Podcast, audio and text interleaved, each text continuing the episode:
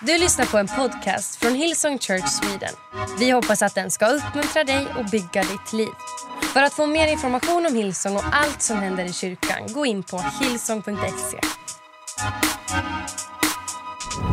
Jag, eh, eh, som jag sa så kom jag precis från Australien. Eh, bara hoppas att min... Jag är livrädd varje gång jag spikar att min iPad inte ska funka. Eh, den så här fruktan jag har, jag måste göra av med den. Eller gå tillbaka till papper. Men papper går inte att förstora. Så, eh, jag var i Australien, vi hade eh, konferens, Hillsong Conference, eh, till, i vår egen lokal där vi hade två konferenser back to back. Och eh, um, jag var med om någonting som jag inte varit med om kanske på 20 år. Vad det gäller andeutgjutelse. Att se Guds ande utgjutas i de rummen. Att se Guds närvaro röra vid människor på ett sätt så att en del blev helt förvandlade och en del blev helt nervösa. Uh, jag har inte varit med om det på kanske 20 år. Uh, kanske ännu längre.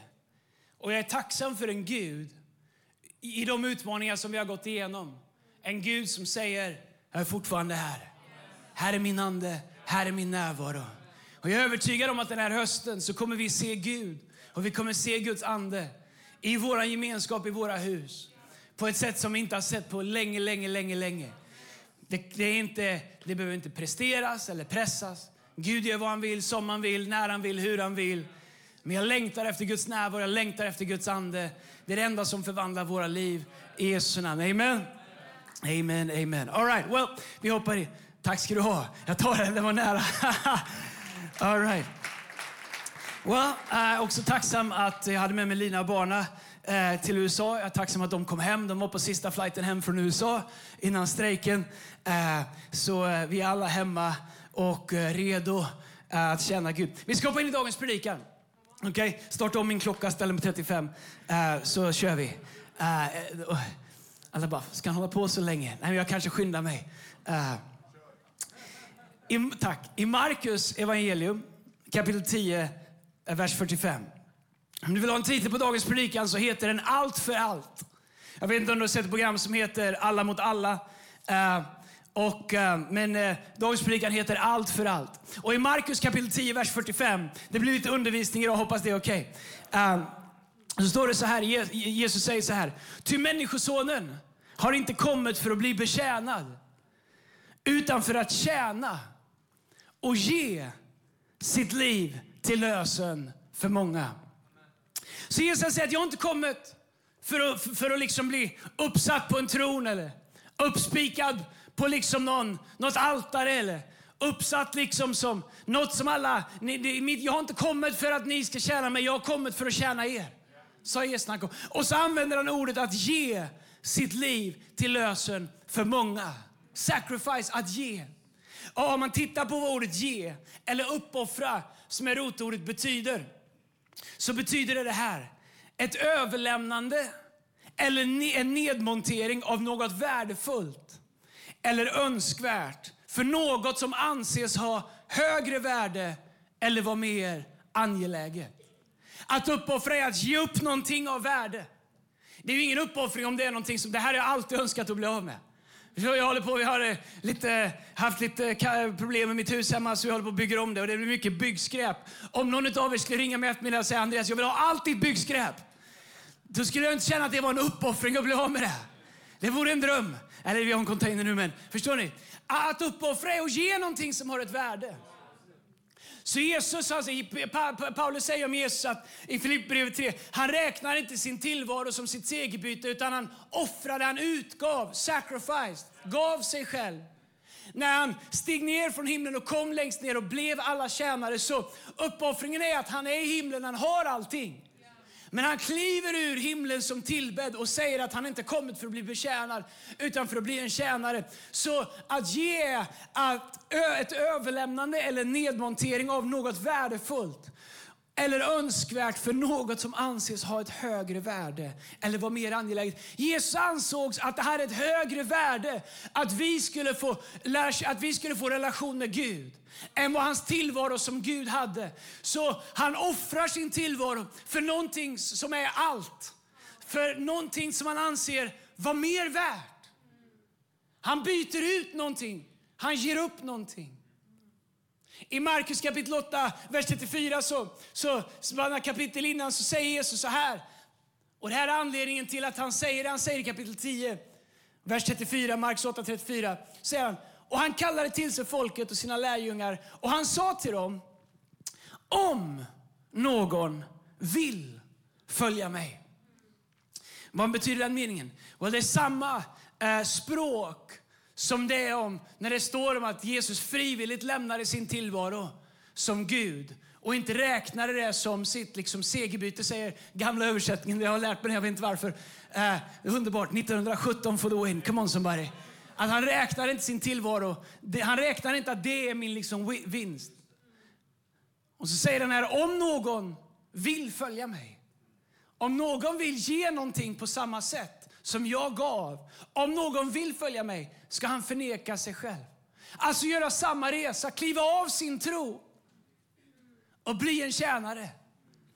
Om någon vill följa mig ska han förneka sig själv. Alltså inte att man måste. En del försöker få religion och kristendom och det vi håller på med, framförallt de som skriver om det som inte förstår det, till att det finns ett krav i det. Att vi kräver saker, att Gud kräver saker. Det finns ingenting i Bibeln som är ett krav. Hela Bibeln är ett enda stort om. Om någon är i Kristus. Om någon vill följa mig. Om någon är i Kristi nyskapelse. Om ni håller alla dessa bud. Om ni gör detta. Det, det finns inga krav. Men det finns löften och det finns förbund kopplade till vad vi väljer att göra. Det finns ingenting i Guds kärlek som är tvingande. Det finns ingenting i Guds kärlek. Men den är villkorad till vem han är. Den är villkorad till den tron som han klev av för att bli alla tjänare. Jag måste komma in i predikan. Om någon vill följa mig ska han förneka sig själv. Det är inte lätt att predika 2022. Exakt. Knäpptyst. Och ta sitt kors på sig och följa mig. Ty den som vill rädda sitt liv, han ska mista det. Men den som mister sitt liv för min och för evangeliets skull, han ska rädda det. Vad hjälper det en människa om hon vinner hela världen men förlorar sin själ? Och vad kan en människa ge i utbyte mot sin själ? Den som skäms för mig och mina ord i detta trolösa och syndiga släkte, för honom ska också Människosonen skämmas när han kommer i sin faders härlighet med de heliga änglarna. Så Jesus han säger det här, jag gillar vad The Message säger om eh Eh, vers 34, det här om någon vill följa mig ska han förneka sig själv, ta sitt kors och följa mig. The Message skriver så här på engelska, jag vet inte om vi har annars får ni lyssna. Anyone who intends to come with me has to let me lead. You're not in the driver's seat, I am. Anyone who intends to come with me has to let me lead. Um, när jag läser det så inser jag, påminner mig själv, jag, jag läste det här, jag varit i de här kapitlen några dagar. Jag inser när jag läser det här att sp spännvidden och friktionen i mitt liv, det är kanske, och för många i vår resa, att vi kommer till Gud, vi har ett möte med Gud. En del kommer från superdrastiska, omvälvande situationer, får ett möte med Gud som förändrar allting. För en del är det gradvis, det blir en gradvis skillnad. Det finns liksom ingen spelar ingen roll hur vi kommer till Jesus. Det finns tusen vägar till, till Jesus, men bara en till Gud och den är genom Jesus Kristus. Och så börjar vår resa, kommer vi till Gud och så, till Jesus och så blir allt förvandlat och så allt vi får från Gud är nytt. Allt vi får är värt allting. Jag har sagt så många gånger då, när jag kom till, tillbaks till Gud, jag kom tillbaks till Jesus, kom till USA. Det kändes som varje predikan som eh, pastor Tom Alders hade, det kändes som han bara gjorde predikningar till mig. Det gjorde jag inte, det är ett ganska egoistiskt sätt att tänka. Men jag menade det inte egoistiskt för det kändes som allt var till mig. Det kändes som alla lovsånger var till mig. Du vet, jag var hård och långt hår, jag stod liksom och fulgrät mig genom lovsången hela tiden så här. Tack gode Gud för vi inte hade smink på den tiden. Det var inga kameror. Du vet, bara snörvla liksom, det bara ram. Sjöng gamla låtar. Eh, jag kan inte ens komma på dem, så gamla är Come live in me all my life, take over. Gamla Hillsong-låtar. Ni har sett dem, kan googla Dolly Check. Uh, och, och, det kändes som att allt var nytt.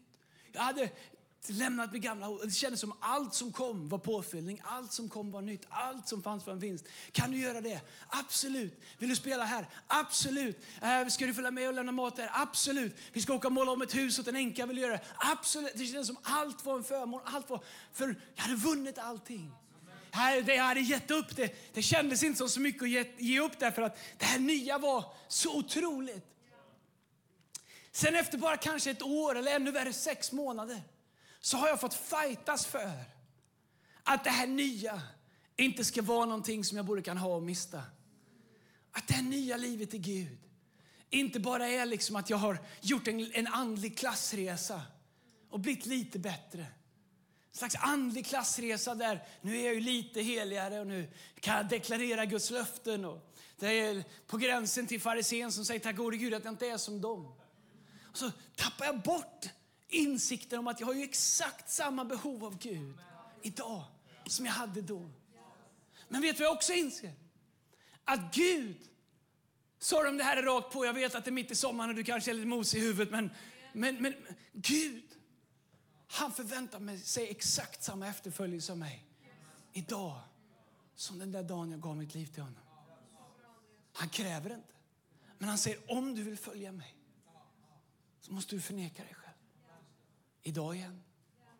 Om du vill följa mig, då måste du ge ett överlämnande eller nedmontering av någonting som jag tycker är värdefullt eller önskvärt för något som jag anser har ett högre värde eller var mer angeläget. Jag inser att det kommer ner i mitt liv till om Jesus är min Herre eller om han bara är min räddare. Han är ju båda såklart.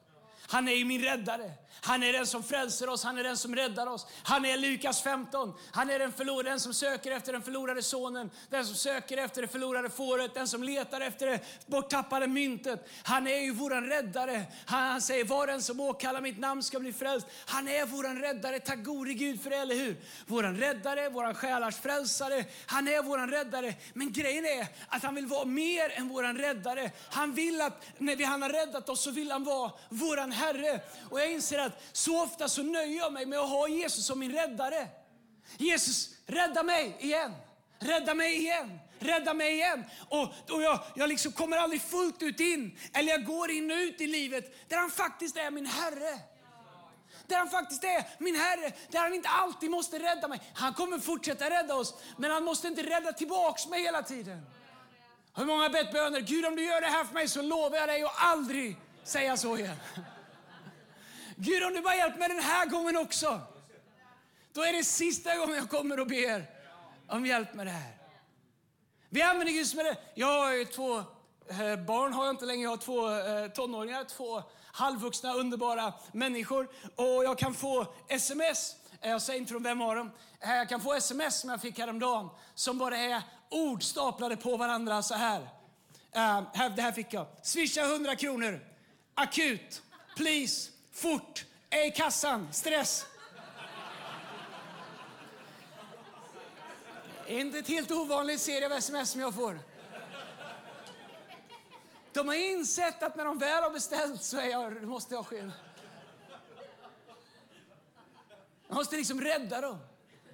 Swisha 100 kronor, akut, please, fort, är kassan, stress, hallå! Det har liksom gått två sekunder från första till sista. Jag har liksom inte ens fått in kodlåset på min telefon.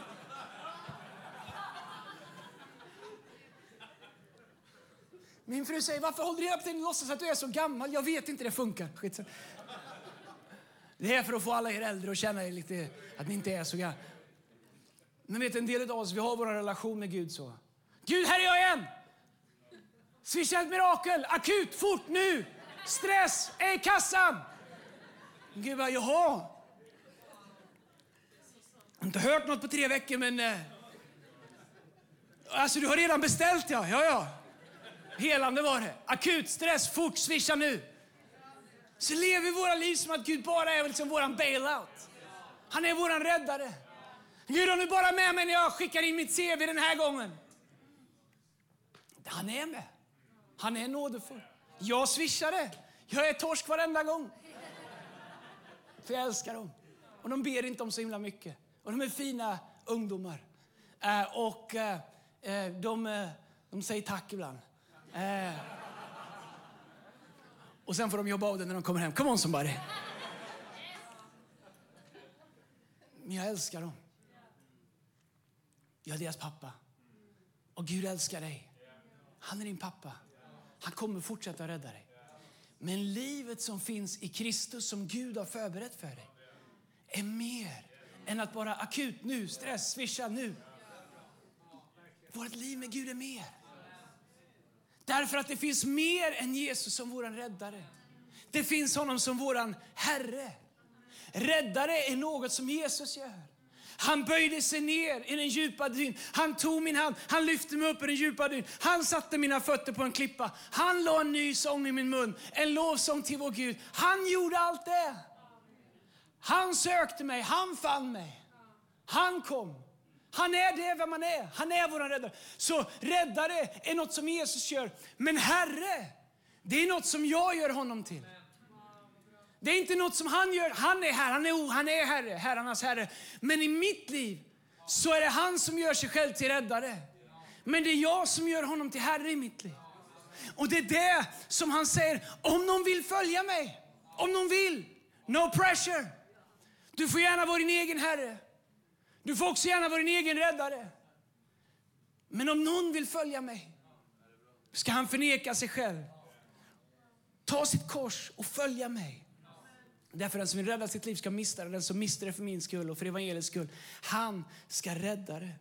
Men så många människor stannar vid Jesus som räddare igen och igen och igen och kommer inte vidare. Och lever i hur kan jag få Gud att hjälpa mig med min plan?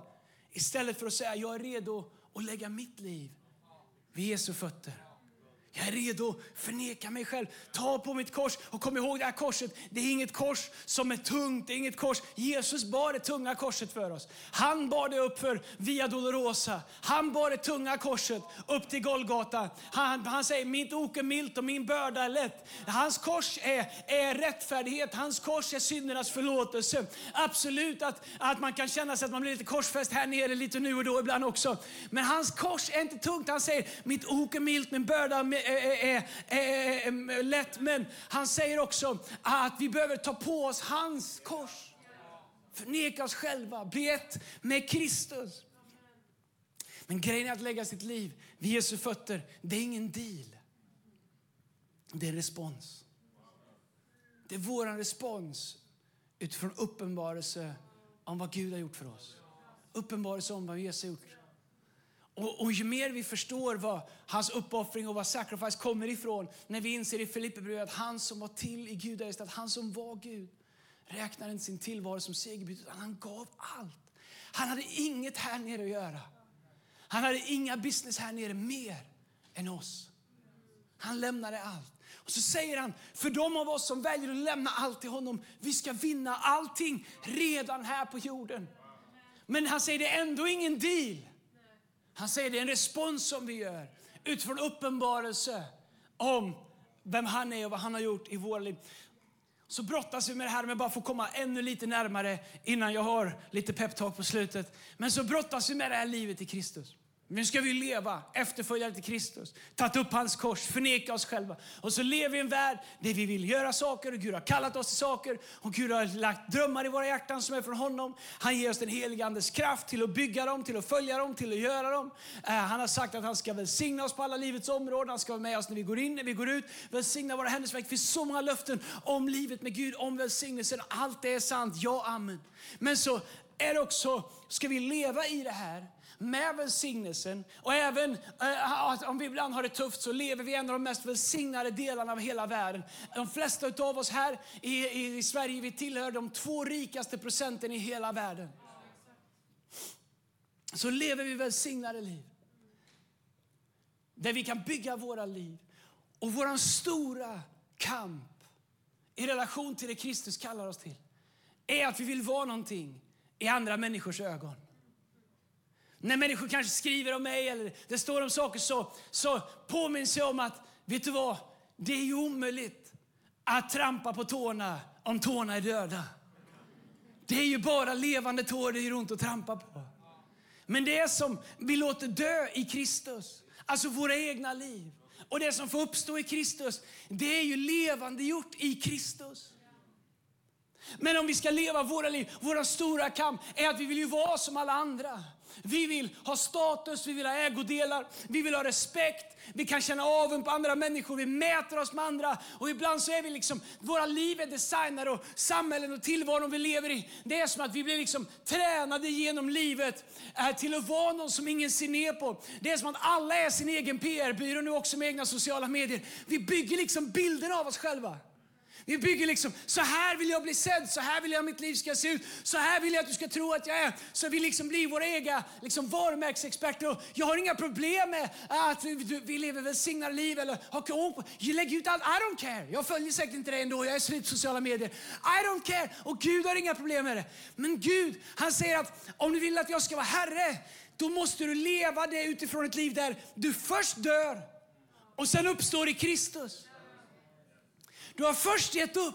Om någon vill följa mig ska han förneka sig själv. Alltså tvärt emot det vi lär oss. Hur bygger jag mitt liv? Hur ser jag ut? Vad tycker andra människor? Hur ser jag ut i jämförelse med andra människor? Menar ett liv med Gud är, Gud vad tycker du om mitt liv? Gud hur tycker du att mitt liv är? Hur tycker du att mitt hjärta är? Hur tycker du att mitt tal är? Hur tycker du att mitt arbete är? Hur tycker du att min integritet är? Hur tycker du att min karaktär är? Hur tycker du att mitt livs transparens är? Gud, vad tycker du om mitt liv? Är det här det livet som du sa att jag skulle ta på mig? Är det här det här livet som du sa att jag skulle ge mig själv till? Eller är det så att vi bygger våra egna liv och så säger vi till våra räddare, kom och rädda mig, när det inte funkar. Och så gör han det igen och igen och igen, för han älskar oss. Som jag älskar mina barn. Aldrig kommer jag svika dem, aldrig kommer jag överge dem. Never, ever, ever. Men min dröm är att de en dag skulle växa ifrån att behöva mig som deras räddare. Jesus säger om de vill följa mig ska han förneka sig själv. Vad hade hänt i världen? Eller vi kan gå ännu tajtare. Vad hade hänt i våran kyrka, i alla kyrkor, i kristenheten överlag? Om det bara hade varit döda människor. Alltså levande människor välsignade, där man ser Guds hand över deras liv. Där Herren säger att han ska vända sitt ansikte mot oss, låta sitt ansikte lysa över oss. Där vi ser hans välsignelse, hans favör. Där vi ser att han gör mirakler, han helar, han gör allt det Men vad skulle hända om det bara bestod av döda människor? Alltså människor som är döda till sig själva. Ingen prestige, ingen egoism, ingen avund, inga konflikter, ingen politik, Eh, hur skulle våra äktenskap se ut om, eh, om, vi, om vi bestämde oss för att vara som partner, om jag som partner till Lina säger, vet du vad, jag, jag, jag ska vara död. Alltså det vill hon inte, hon vill att jag ska vara levande och hålla, du vet så här. Hon vill inte att jag ska dra ur sladden och bara låta det gå iväg utan hon vill att jag ska hålla igång lite grann. Men, men om jag skulle vara död, om jag skulle bara skulle, Gud, Lina, jag älskar dig. No matter. Inte prestige, inte ego, inte konflikter. Men Paulus säger om vi var och en ser varandra som våra nästa tjänare så får vi ett rätt förhållande till varandra. Och så säger Bibeln, sorry om det här är lite, det är ändå det är lite sommarsöndagsskolan. Så säger först Johannes, när världen ser hur vi som följer Jesus älskar varandra, då ska de förstå att vi är hans lärjungar. Så tecknet på att Jesus är på riktigt är inte våra proklamationer, är inte våra smarta videos, är inte... Allt det där använder Gud, absolut. Men tecknet till dem som inte förstår är vår kärlek. Som kommer från att jag vet att du trampade på mig, men jag älskar dig. Jag vet att det blev fel, men jag älskar dig. Det är min kärlek. Bibeln säger eh, att kärleken överskyller en myckenhet av synd. Vi kan stå ut, vi kan fördra, vi kan leva därför att det är förenat i kärleken till Gud från människor som säger jag valde. När han sa om någon vill, då sa jag jag vill förneka mig själv och följa Jesus. Bli något annat. När Jesus blir Herre i våra liv och inte bara vår räddare. Okej, okay, vi hoppar in. Första Korinthierbrevet kapitel 1, vers 26. Så säger Paulus så här. Eh, nej, Gud valde ut det som är dåraktigt i världens ögon. För att de visa skulle få skämmas. Alltså har du tänkt på när du läser Bibeln?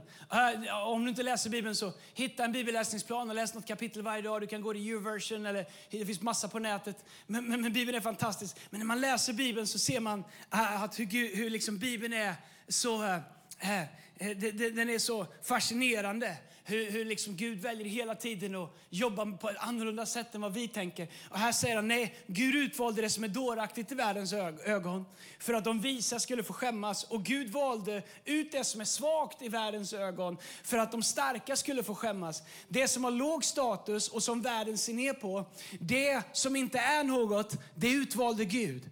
Eh, och, och, och, när jag läser det så inser jag att det handlar inte bara om vår status i världen, det handlar om det vi ser i oss själva.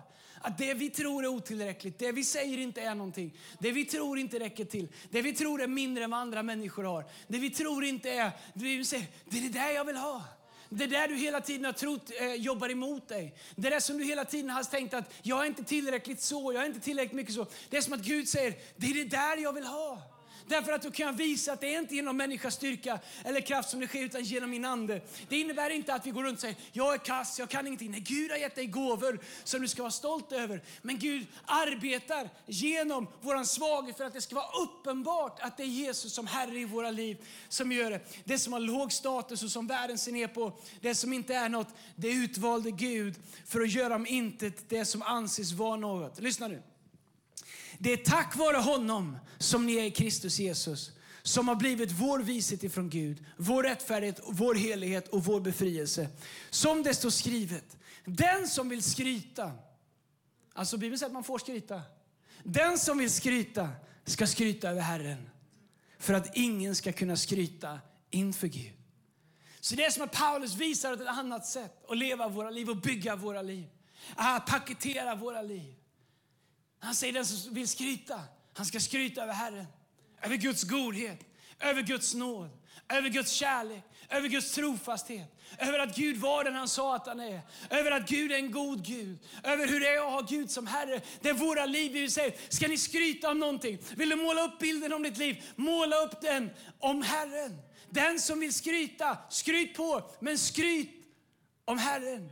Paulus säger den som vill skryta ska skryta över Herren.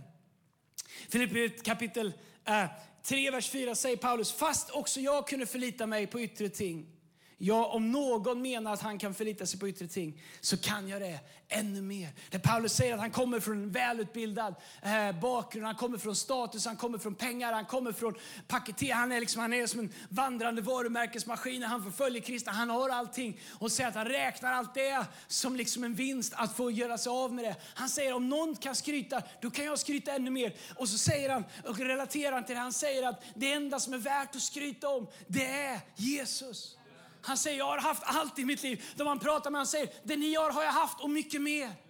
Jag har haft mer rikedom, jag har mer kunskap, jag har träffat högre personer, jag har mer status, jag kommer från bättre släkt, jag har gått i bättre skolor. Jag har allting. Men han säger, om, om vi ska skryta, så kan jag skryta mer än er. Men Paulus säger, ska vi skryta? Låt oss skryta om Kristus. Därför att han säger att det har varit en vinst för honom att få ge upp allting och vinna Kristus. Um, Jesus, ja, vi, uh, jag tänker ibland att uh, vi, vi var i USA och jag var där och jobbade och, och uh, följde med mina barn och Lina på såna poäng som jag har. Ehm, och uh, jag tänker ibland att um, ibland är Jesus så i våra liv, som ett slags bonusprogram. När vi har fått tillräckligt mycket poäng så tror vi att han gör vad vi vill att han ska göra i våra liv. Men jag har upptäckt att det finns ett liv med Gud som vi ständigt får brottas med. Men när vi verkligen bestämmer i våra liv. Gud, vet du vad? Nu är du Herre i alla områden i mitt liv. Och från det beslutet, lyssna Church, Göteborg, Jönköping, Örebro och överallt var ni är, city. Från det ögonblicket, när vi bestämmer det, så kommer vi bli utmanade på det. Men jag har upplevt att varje område i mitt liv där jag verkligen gör Jesus till Herre, det förvandlar Jesus. Och han inte bara förvandlar han tar ansvar för det. Därför skulle jag vilja säga, se inte Jesus eller kristendomen som någon slags bonusprogram där du kan klättra och kanske få mer och mer av Gud.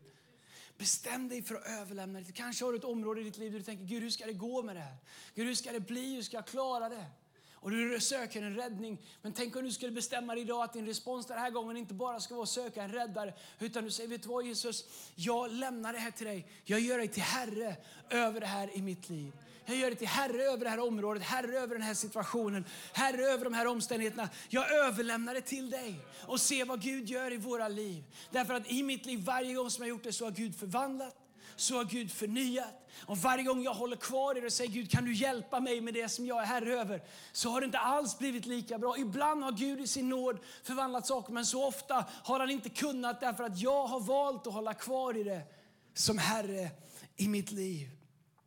Han går vidare, Paulus han säger i Filippet kapitel 3, vers 7. Han säger, men allt det som var en vinst för mig räknar nu som en förlust för Kristi skull. Jag räknar allt som en förlust därför att jag har funnit det som är långt mycket mer värt. Kunskapen om Kristus min Herre. För hans skull har jag förlorat allt och räknar det som avskräde för att jag ska vinna Kristus. Paulus han säger att han har förlorat allt, men han har vunnit allting. Det är en paradoxen. Hur förklarar man det? Jag vet faktiskt inte. Det måste upplevas. Att förlora allt, men säga jag har vunnit allting. Jag la allting på altaret. Jag la allting på Guds fötter. Jag la allting inför Gud. Jag släppte taget om allting. Jag släppte kontrollen. Jag släppte liksom mitt behov av att säga att det var jag. Jag släppte prestigen, jag släppte stoltheten, jag släppte mitt varumärke, jag släppte min paketering. Jag släppte allt. Jag gav det till Gud. Jag förlorade allting först. Men jag har vunnit allting tillbaks och så mycket mer. Det är det som Paulus säger. Och Paulus säger att ett liv underordnat Jesus som Herre bär med sig alla Guds löften. Så här är grejen, att alla Guds löften som jag älskar och deklarerar och gjort sedan vi startade här, de är kopplade till Jesus som Herre i våra liv. De är kopplade till att Jesus, Andra Korinthierbrevet kapitel 1, eh, bara ett bibelord kvar, jag vet att det har varit mycket bibelord. Um, här, men, men det är bra. Vi catchar upp på sommarbibelläsningen lite grann här. Andra Korinthierbrevet kapitel 1, vers 18 så säger Paulus så här. Nej, så sant som Gud är trofast så säger vi inte både ja och nej på samma gång.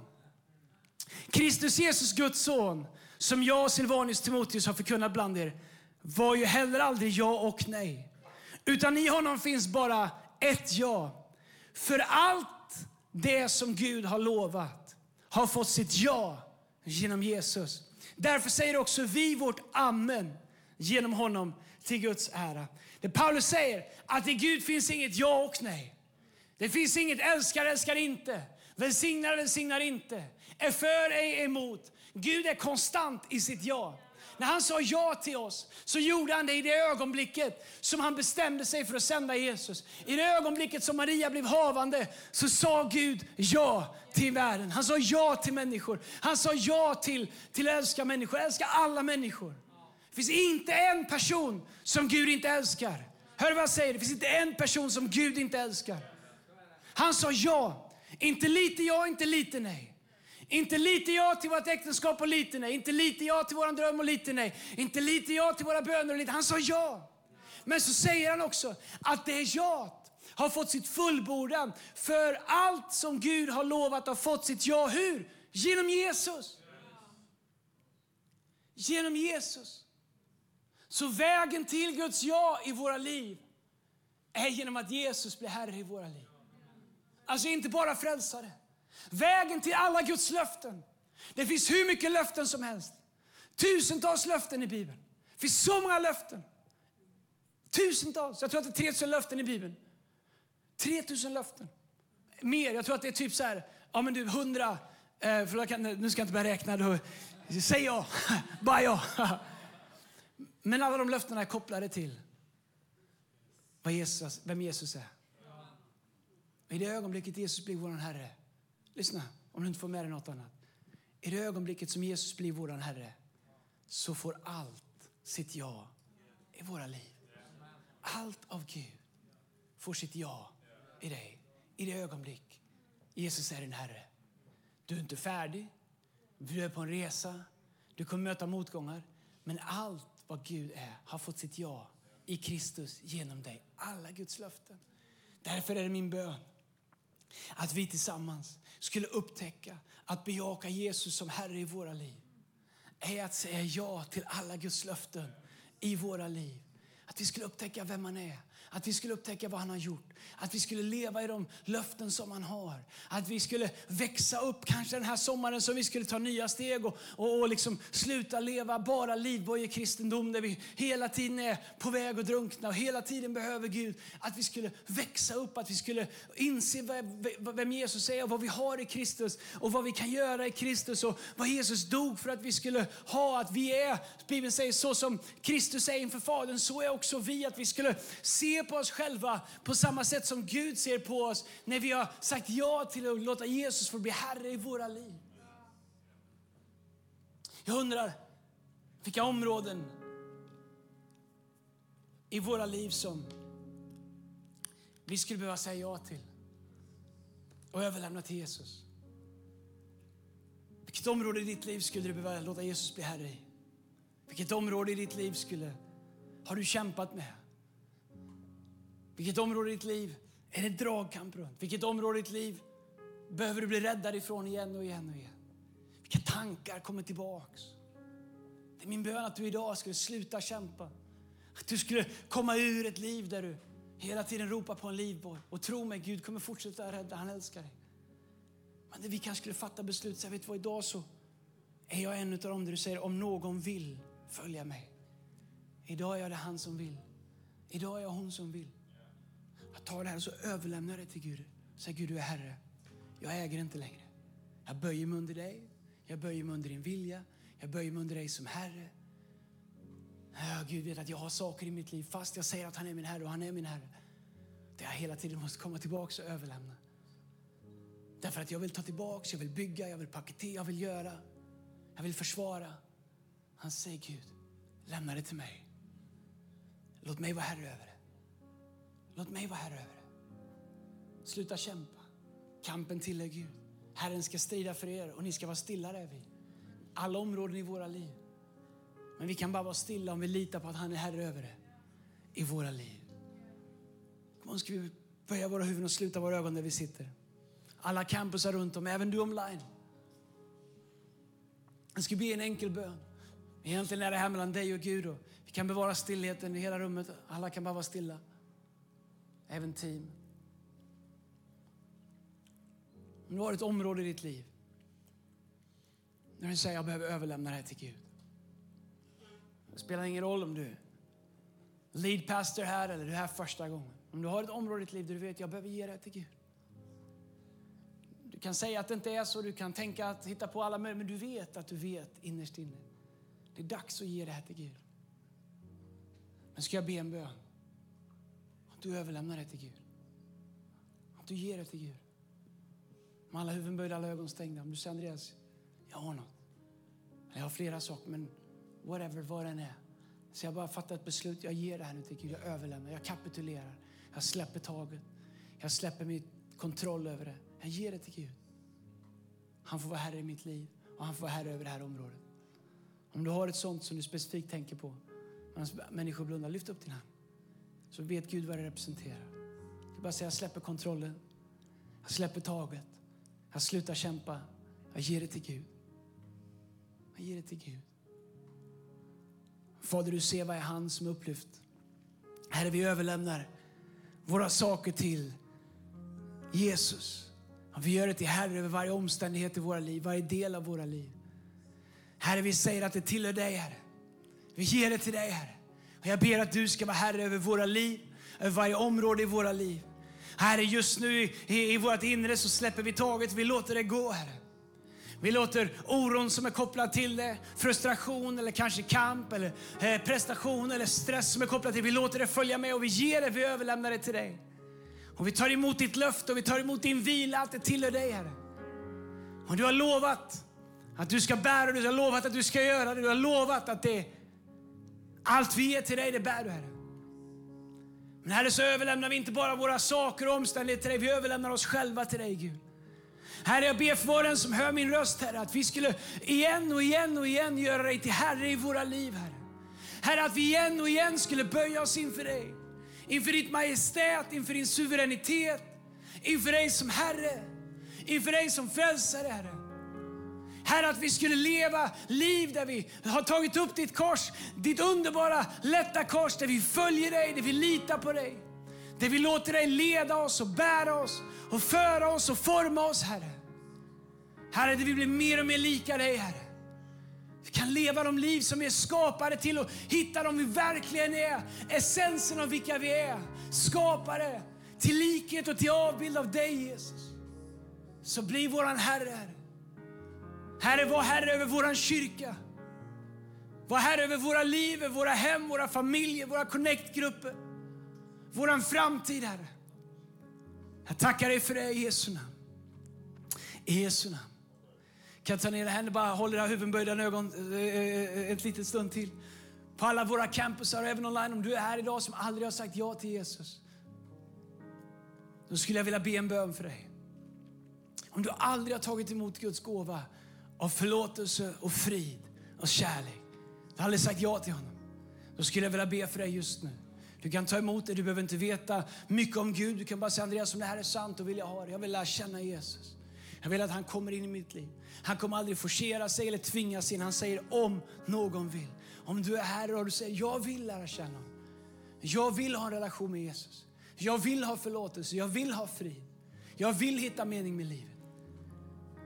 Då är jag här för att säga att det finns. Han heter Jesus. Och han är Guds gåva till dig. Om du säger ja till honom idag så ger Gud dig Jesus som en gåva in i ditt liv. Allt du behöver göra är att öppna ditt hjärta och säga jag tar emot honom. Visa mig Gud vem du är. Låt mig lära känna dig. Låt mig få en egen relation med dig. Med alla huvuden böjda, alla ögon stängda på alla våra campusar, kanske även online idag. Om du säger Andreas, när du ber, tänk på mig, inkludera mig i den bönen. Jag vill lära känna Jesus. För första gången vill jag öppna mitt hjärta och ta emot den här gåvan av förlåtelse och frid och kärlek ifrån Gud. Om du säger Andreas, det är jag. Då vill jag att du alldeles strax när jag räknar till tre, att du lyfter din hand medan alla andra blundar. Bara som ett tecken till Gud. Du säger Gud, jag tar emot det här. Men också som ett tecken till mig. Du säger Andreas, när du ber, tänk på mig, inkludera mig. Jag vill lära känna Jesus.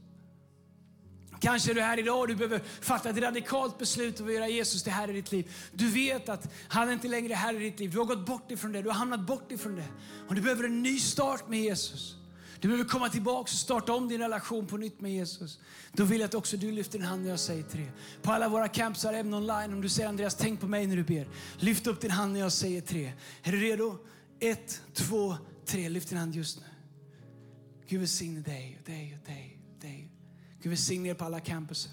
Gud välsigne er online. Ni som har lyft era händer kan ta ner dem. Kom on, ska vi göra så att vi står upp på alla våra campusar. Lovsångsteamen kan komma upp. Vi ska alldeles strax avsluta med att sjunga en lovsång tillsammans. Men innan vi gör det, låt oss be den här bönen tillsammans allihopa. Tack Jesus att du älskar mig. Jag tar emot dig som min räddare och som min Herre. Tack att från och med idag är jag din och du är min. Förlåt mig min synd och allt som ligger bakom. Tack Jesus att ingenting kan skilja mig ifrån din kärlek. I Jesu namn vi ber. Amen. Kom om vi ska sjunga en lovsång. Bara några minuter innan vi ber för veckan som ligger framför Göteborg och alla andra campsar. Ni kan göra samma sak eller stanna kvar. Men kom on, checka inte ut. Ska vi ta bara en minut och lovsjunga Gud. Lovsjunga honom som Herre. Inte bara som våran räddare, utan som någon som sitter på en tron. Som någon som är värd våran lovsång. Som någon som vi böjer oss under i Jesu namn. Kom on, vi sjunger tillsammans. Du har lyssnat till en podcast från Hillsong Church Sweden. Om du vill veta mer om vår kyrka eller om våra söndagsmöten surfa in på hillsong.se.